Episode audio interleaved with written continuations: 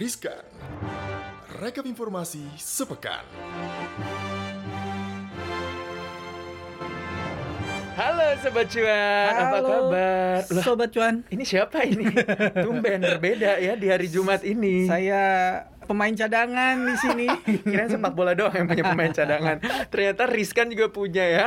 Jadi balik lagi di Riskan, rekap, Rekap informasi, informasi sepekan. sepekan. Mm. Oke, ada gue Gibran dan ini Ada gua Novan sekarang Oke. yang sedang menjadi co-pilotnya Gibran di Riskan minggu ini. Oke, jadi kita udah ngerekapin sejumlah informasi yang udah siap kita bagi dan semuanya tentunya paling banyak dibaca di cnbcindonesia.com. Betul, yang paling updated dan paling terpopuler pastinya ya. Apa aja tuh yang pertama? Hari ini Riskan mungkin eh, Sobat Cuan juga udah pada nonton juga kali ya. Semuanya pasti udah Prosesinya segala macam. Bahkan gue hadir sih sebenarnya. Hah? Hadir. Virtual. eh Trump aja nggak hadir. Oke, jadi yang pertama ini ada pelantikan Presiden AS terpilih Joe Biden dan wapresnya siapa? Kamala Harris. Hmm. Hmm, jadi ini adalah eh, sesudah resmi ya Amerika Serikat eh, 2021 ganti presiden gitu. Kalau gue sih pengen ngucapinnya akhirnya mereka terbebas dari penjajahan. Hmm, Ntar dimarahin Trump gue nih. Jadi acara pelantikan presiden dan wakil presiden tahun ini tuh berbeda sebenarnya. Nov. Benar. Kalau kita lihat dengan pelantikan-pelantikan sebelumnya, Hmm. karena ada tentunya kita masih masa pandemi virus corona, Betul. COVID-19 dan juga biasanya tuh pelantikan digelar meriah dan juga dihadiri ribuan Oh, masyarakat penuh Amerika. banget biasanya ya. Biasanya penuh gitu Kelihatan kan. ada paradenya segala macam gitu dah. Bener, itu adalah acara terakbar di dunia kalau Iya. gua rasa untuk pelantikan presiden ya. Hmm, hmm. Tapi kali ini tuh pelantikannya memang agak berbeda. Jadi cuma mengundang beberapa pejabat, Hmm. terus juga tamu hadirin diwajibkan menggunakan masker selama di tempat acara. Terus juga ya semuanya pakai masker, nggak ada yang terkecuali nggak pakai masker. Iya, terus ada jarak-jarak juga ya Bener. antara yang datang gitu kan. Mhm. Bahkan kemarin juga ada siapa yang nyanyi itunya? Lady Gaga. Lady gitu Gaga, kan. iya terus pada ngebandingin Apa Lady tuh? Gaga, terus yang tahun lalu, eh yang periode lalu, terus Periode periode yang lalu, Oh, iya. Iya, pada ngebandingin di akun-akun sosmed gitu. Mana lebih bagus? Aduh, pusing kan netizen Indonesia semuanya mau dibandingin. Iya, dan Hmm. menariknya juga emang ternyata di pelantikan kali ini tuh ternyata ada beberapa catatan sejarahnya ya. Bener banget. Ini Amerika akhirnya mencetak sejarah. Apa aja tuh yang pertama? Yang pertama jelas mereka punya presiden paling tertua yang pernah ada. 78, tahun. 78. Oke, kita Itu sih punya ya kita juga pem- punya pemimpin yang eh, Iya. udah tua gitu. Tapi dia lebih tua lagi kan, 78 Iya, tahun. lagi. Eh, bener itu kan yang awal-awalnya diserang sama Trump ya dengan usianya yang 78 tahun apa bisa mengendalikan negeri Iya. eh, paman Sam gitu ternyata ya menang juga pilpres dia gitu kan ya Gila. pilihannya antara Iya, bener. Biden tua dan muda tapi kayak begini gitu.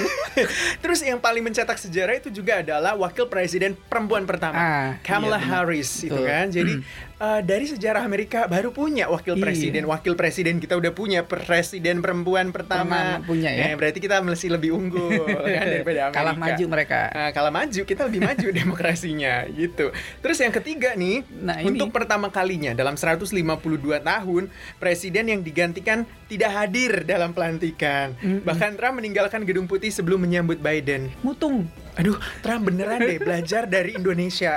Kan itu selama pelantikan presiden yang yang kalah pun datang gitu. Iya benar benar benar. Heeh. Dan memang dia eh ya memang kontroversi banget lah Benar. ya. Dia emang pertama udah pertama nggak mau pernah mau ngaku kalah Mhm. gitu kan sampai ribut-ribut segala macem udah gitu memang pelantikan jadi dia kayaknya ya gua kalau emang gua nggak mau ngaku kalah ya gua nggak harus hadir gitu kayaknya ya Mhm. posisinya emang begitu Pernah sih terjadi di Indonesia itu. Pernah. Gue ingat gue masih kecil.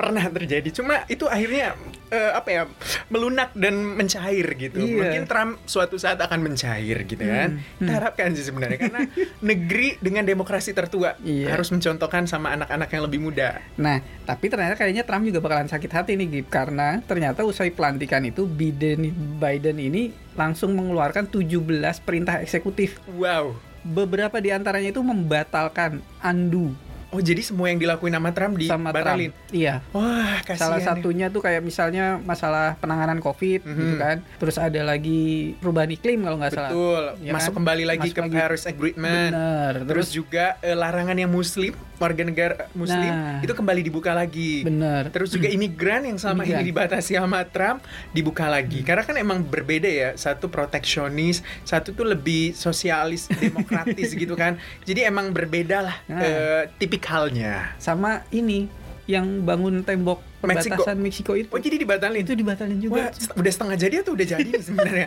Anggaran udah keluar. Tanggung ya.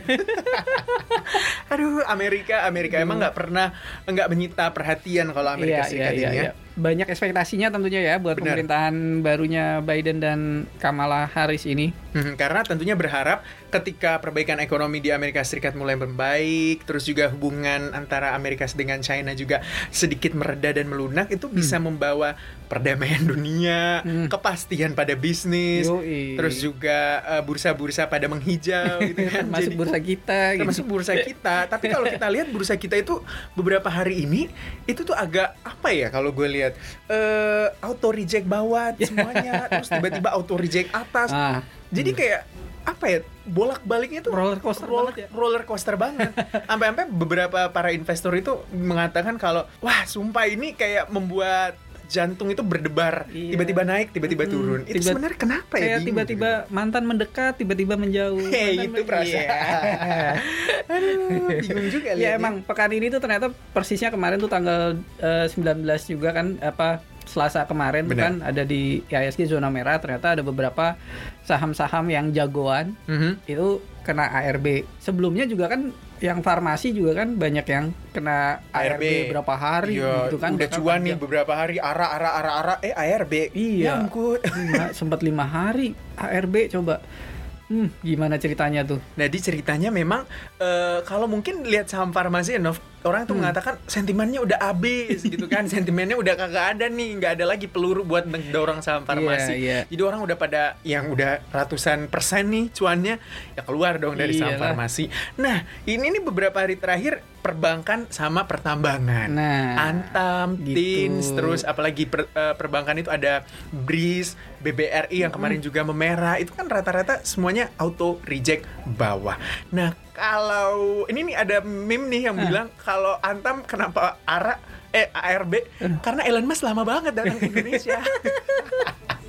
Nungguin Elon Musk ya. Nungguin sebenarnya karena kan katalisnya ngarep. adalah EV baterai itu ya. Iya, aduh ngarep-ngarep banget baterai. Terus itu juga ternyata juga eh, karena isu-isu baterai itu kan terus kemudian udah naik terus Benar. akhirnya emang ternyata sudah overbought artinya Mm. udah udah udah udah mentok lah artinya sudah kema- kelewat kemahalan akhirnya Benar. menyesuaikan diri menyesuaikan lagi kan harganya Mhm. lu kebayang nggak kalau misalnya ARB-nya itu di di hari-hari normal aturan normal itu bisa 20% Bu Bener, gue bingung. ini aja 6% aja kita udah 6-7% aja kita udah Aduh, itulah sebenarnya kita masih harus bersyukur pasar kita tuh ARB-nya 7%, ARA-nya tuh 25%. Nah. Jadi cuannya 25%, Nah. kalau misalnya kena ARB 7% berarti hitung-hitungnya Masih ada ini lah ya. 18 persenan ya kali ya, 18 persenan Anda bisa cuan. Ya. Bayangin kalau misalnya ARA 25, ARB juga 25, Nah. zero kagak dapat apa-apa ente. apalagi kemarin yang rame-rame pada pakai-pakai uang-uang yang tidak dingin lah istilahnya. Aduh, itu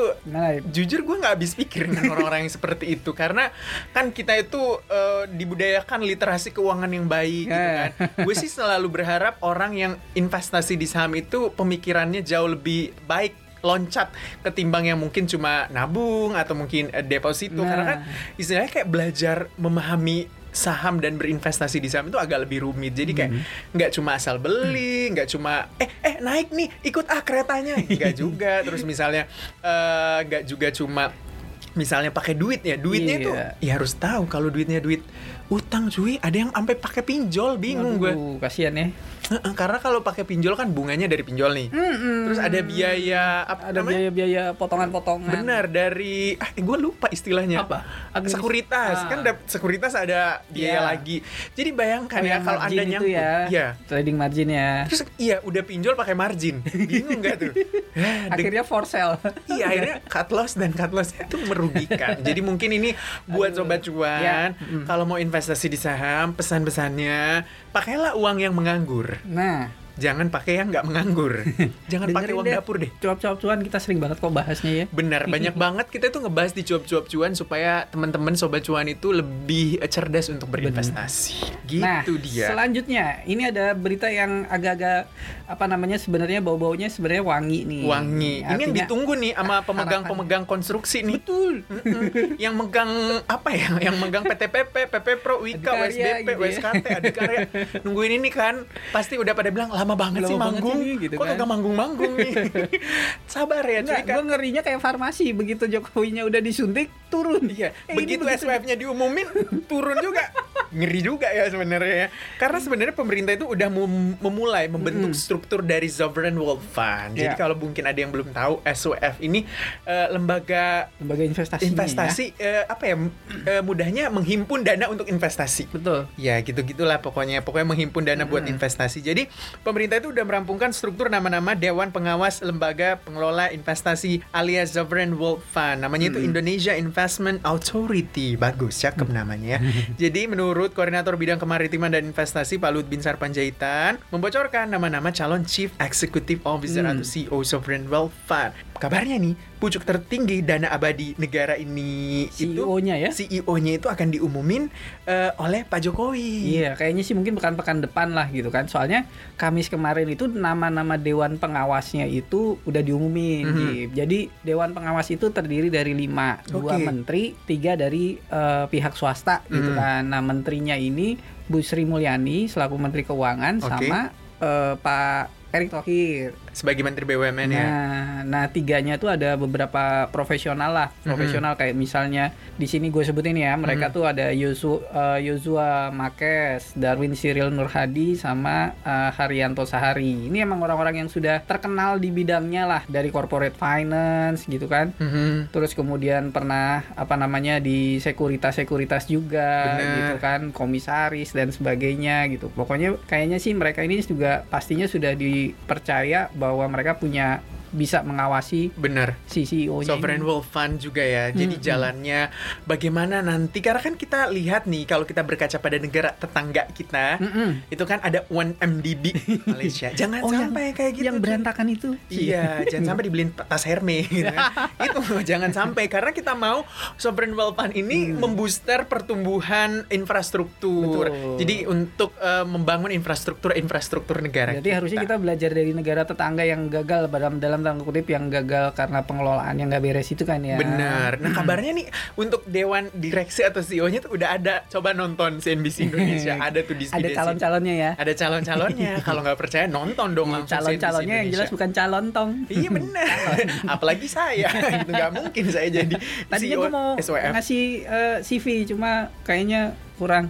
Saya kurang pengalaman di bidang ekonomi. Baru 2 tahun jadi wartawan ekonomi mau jadi CEO SWF nggak mungkin gitu kan. Luar biasa. Jadi kita akan tunggu nanti bagaimana sepak terjang dari Sovereign Wealth Fund ini Hmm. apakah mampu benar-benar sesuai harapan untuk membangun infrastruktur dan yang jangan lupa nih yang lagi megang in- infrastruktur konstruksi harap bersabar. harap bersabar, harap Ujian, bersabar, gitu. harap bersabar. Emang tuh biasa manis biasa di belakangan gitu kan. Hmm, Jangan sampai udah iya. dibuang, eh nyesel. Oke, kita lanjut ke selanjutnya nih di ada informasi soal pasti Teknologi, ada teknologi. teknologi nih. Pasti pengguna WhatsApp, terus Signal gue sih punya tapi gue nggak punya, gue nggak aktifin gitu, gue baru- buat akunnya. Gue baru pakai sih gara-gara kemarin. Gara-gara Elon Musk jangan jangan tweetnya. Oh, banyak sih Iya orang yang sih. terinfluence Elon Musk katanya biar kayak punya Tesla Model S. Terus ada Telegram juga kalau gue Iya, punya betul. Telegram juga. Jadi bos WhatsApp itu Will Catcherd ini akhirnya buka suara soal kebijakan privasi terbaru platformnya.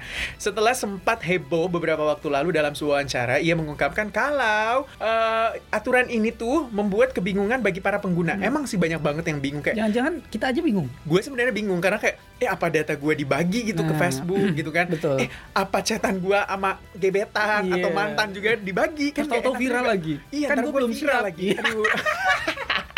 Terus juga eh, bos WhatsApp itu juga bilang kalau dan juga meyakinkan kalau aktivitas pengguna itu mengirimkan pesan dan juga panggilan itu tidak terusik Iya. Jadi karena keduanya ini dilindungi oleh sistem enskripsi eh, dari ujung ke ujung. Jadi end to end, End to end. end to end. Jadi nggak ada nggak ada yang bisa lihat gitu kan.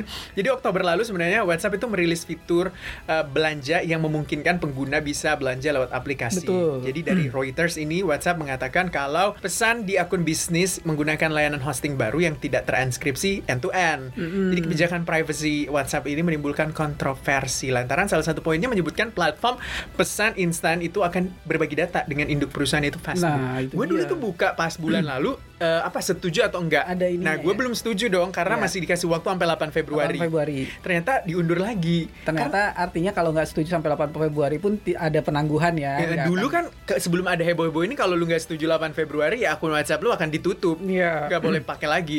Tapi setelah heboh ya boleh diperpanjang Tapi gitu ini kan. memang berarti tandanya eh, makin serius nih WhatsApp eh, menggeluti bisnisnya lah gitu Benar. kan. Apalagi yang WhatsApp bisnis gitu kan nanti mereka bisa dapat data penjual gitu kan. Kekhawatirannya itu yang dikhawatirkan kan. Ada yang Mhm. diberikan kayak nama IP pembelinya ya. Terus info finansial, penggunaan data, kontennya, info kontak gitu-gitu yang yang Benar. khawatirnya. Semua itu menjadi khawatiran bagi para pengguna WhatsApp termasuk gua juga sih dan Hmm. beberapa orang. Akhirnya kan mereka tuh mendownload Signal terus juga Telegram belum lagi Elon Musk nge-tweet use Signal gitu kan. Tiba-tiba orang semua use Signal gitu. Nah, ini Memang tuh bener ya? Bener, bener. Ini tuh sebenarnya ancaman bagi WhatsApp juga kan. Akhirnya menunda juga kan. Karena kalau kita tahu Signal and Telegram itu sudah nggak bisa diremehin sama Betul. WhatsApp. Jadi datanya itu dari Sensor Tower, Signal itu di-download secara global 246 ribu kali dalam seminggu, Seminggu sebelum, sebelum- WhatsApp diumumkan Hmm. aturan privacy baru itu. Setelah seminggu kebijakan itu diumumkan, terjadilah 8,8 juta kali. Waduh, dapat limpahan tuh ya. Gue salah satunya kayaknya masuk di Gua juga. 8,8. Kalau Telegram gimana nih? Nah, kalau Telegram juga lebih lebih melesat. Memang sebelum sebelum WhatsApp ngelumpumin apa namanya privacy barunya itu eh, dia juga udah udah tinggi nih. Ada 6,5 juta seminggu sebelum hmm, diumumkan ada privacy barunya, aturan privacy barunya WhatsApp. Mhm. Nah, setelah setelah diumumkan bahwa WhatsApp akan ngeluarin privacy baru, aturan itu itu sudah di-download jadi 11 juta kali Wow. dalam seminggu. 11 gitu. juta kali. Kayaknya mereka menangguhkan atau ini juga gara-gara ketar-ketir ketakutan semua pada pindah ke dua platform itu Bener ya. banget, karena kan kita tahu pengguna WhatsApp itu banyak Terus tiba-tiba, Mm-mm. ya kalau ada pesaing lebih baik gitu Apalagi mungkin, ini gue baca nih ya Di sosmed, pengguna Telegram itu sangat-sangat me- apa ya mengkampanyekan Gunakan Telegram Karena kan ini salah satu fiturnya akhirnya gue coba gitu Ah. Kita bisa hapus chat ternyata Misalnya gue chat sama lu nih Hoff. Ah. Terus gue mau hapus gue hapus, ya terhapus di gue, terhapus juga di lu. Oke, bisa. bisa. Jadi kayak menghilangkan barang bukti Oh. itu bisa gitu kan kayak wow bisa juga ternyata. Jadi nggak bisa dipakai macem-macem ya. Bener gitu kan. Jadi, Jadi, kalau misalnya gue habis ngirim video macem-macem gitu terus Iya, apa pun mau berapa detik terserah gitu kan. gitu kan. Itu nggak ada barbuknya, cuy. Hmm. Itu harus dibuka di server kan. Jauh banget gua ke kantor Telegram gitu. Tapi benar kata-kata pengguna Telegram. Iya. Jadi lebih aman, lebih privacy. Tapi gua nggak mengkampanyekan ya. Terserah lu mau pakai yang mana WhatsApp kayak pilih aja yang sesuai dengan kebutuhan dan kenyamanannya Bener. ya. Paling penting tuh gue selalu menekankan baca terms and Betul. conditionnya. Jangan Iya. asal di scroll naik, lu Hmm. checklist, agree, agree, agree, agree. Iya. Ternyata ada yang lu harus bagi gitu kan. Mes- meskipun teman-teman lu masih ke satu platform tapi lu lebih pede pakai platform ini ya mungkin sementara bisa SMS-an. Tapi kalau satu kantor lu udah pindah platformnya, lu juga Nah. harus pindah. Karena lu nggak bisa masuk grup kantor, ntar lu digibahin. Iya. Karena kan percuma juga ntar kan. Kita Bener. udah install yang lain kagak install. Temen kita banget. siapa di situ? Betul banget. Nah itu dia ada empat informasi yang Iya. tentunya kita udah rekapin selama satu pekan ini. Semoga menjadi pencerahan. Betul, sobat cuan, semoga bisa apa namanya menambah menambah informasi juga di tengah angka Covid yang selalu hari-hari ini mengerikan. Benar, jangan lupa tetap patuhi protokol kesehatan, Betul. gunakan masker, bawa hand sanitizer, Iya. jaga jarak, apalagi sama mantan. Jangan pernah mendekat-dekat Iya. ya. Oke, jangan lupa dengerin cuap-cuap cuan di Cuap-cuap Spotify. cuan di Spotify, di Apple Podcast dan Google Podcast. Jangan lupa juga follow Instagramnya @cuap underscore cuan Betul. atau di CNBC Indonesia. Oke, kita mau pamit dulu. Terima kasih Sobat Cuan. Bye. Terima kasih, bye, sobat cuan.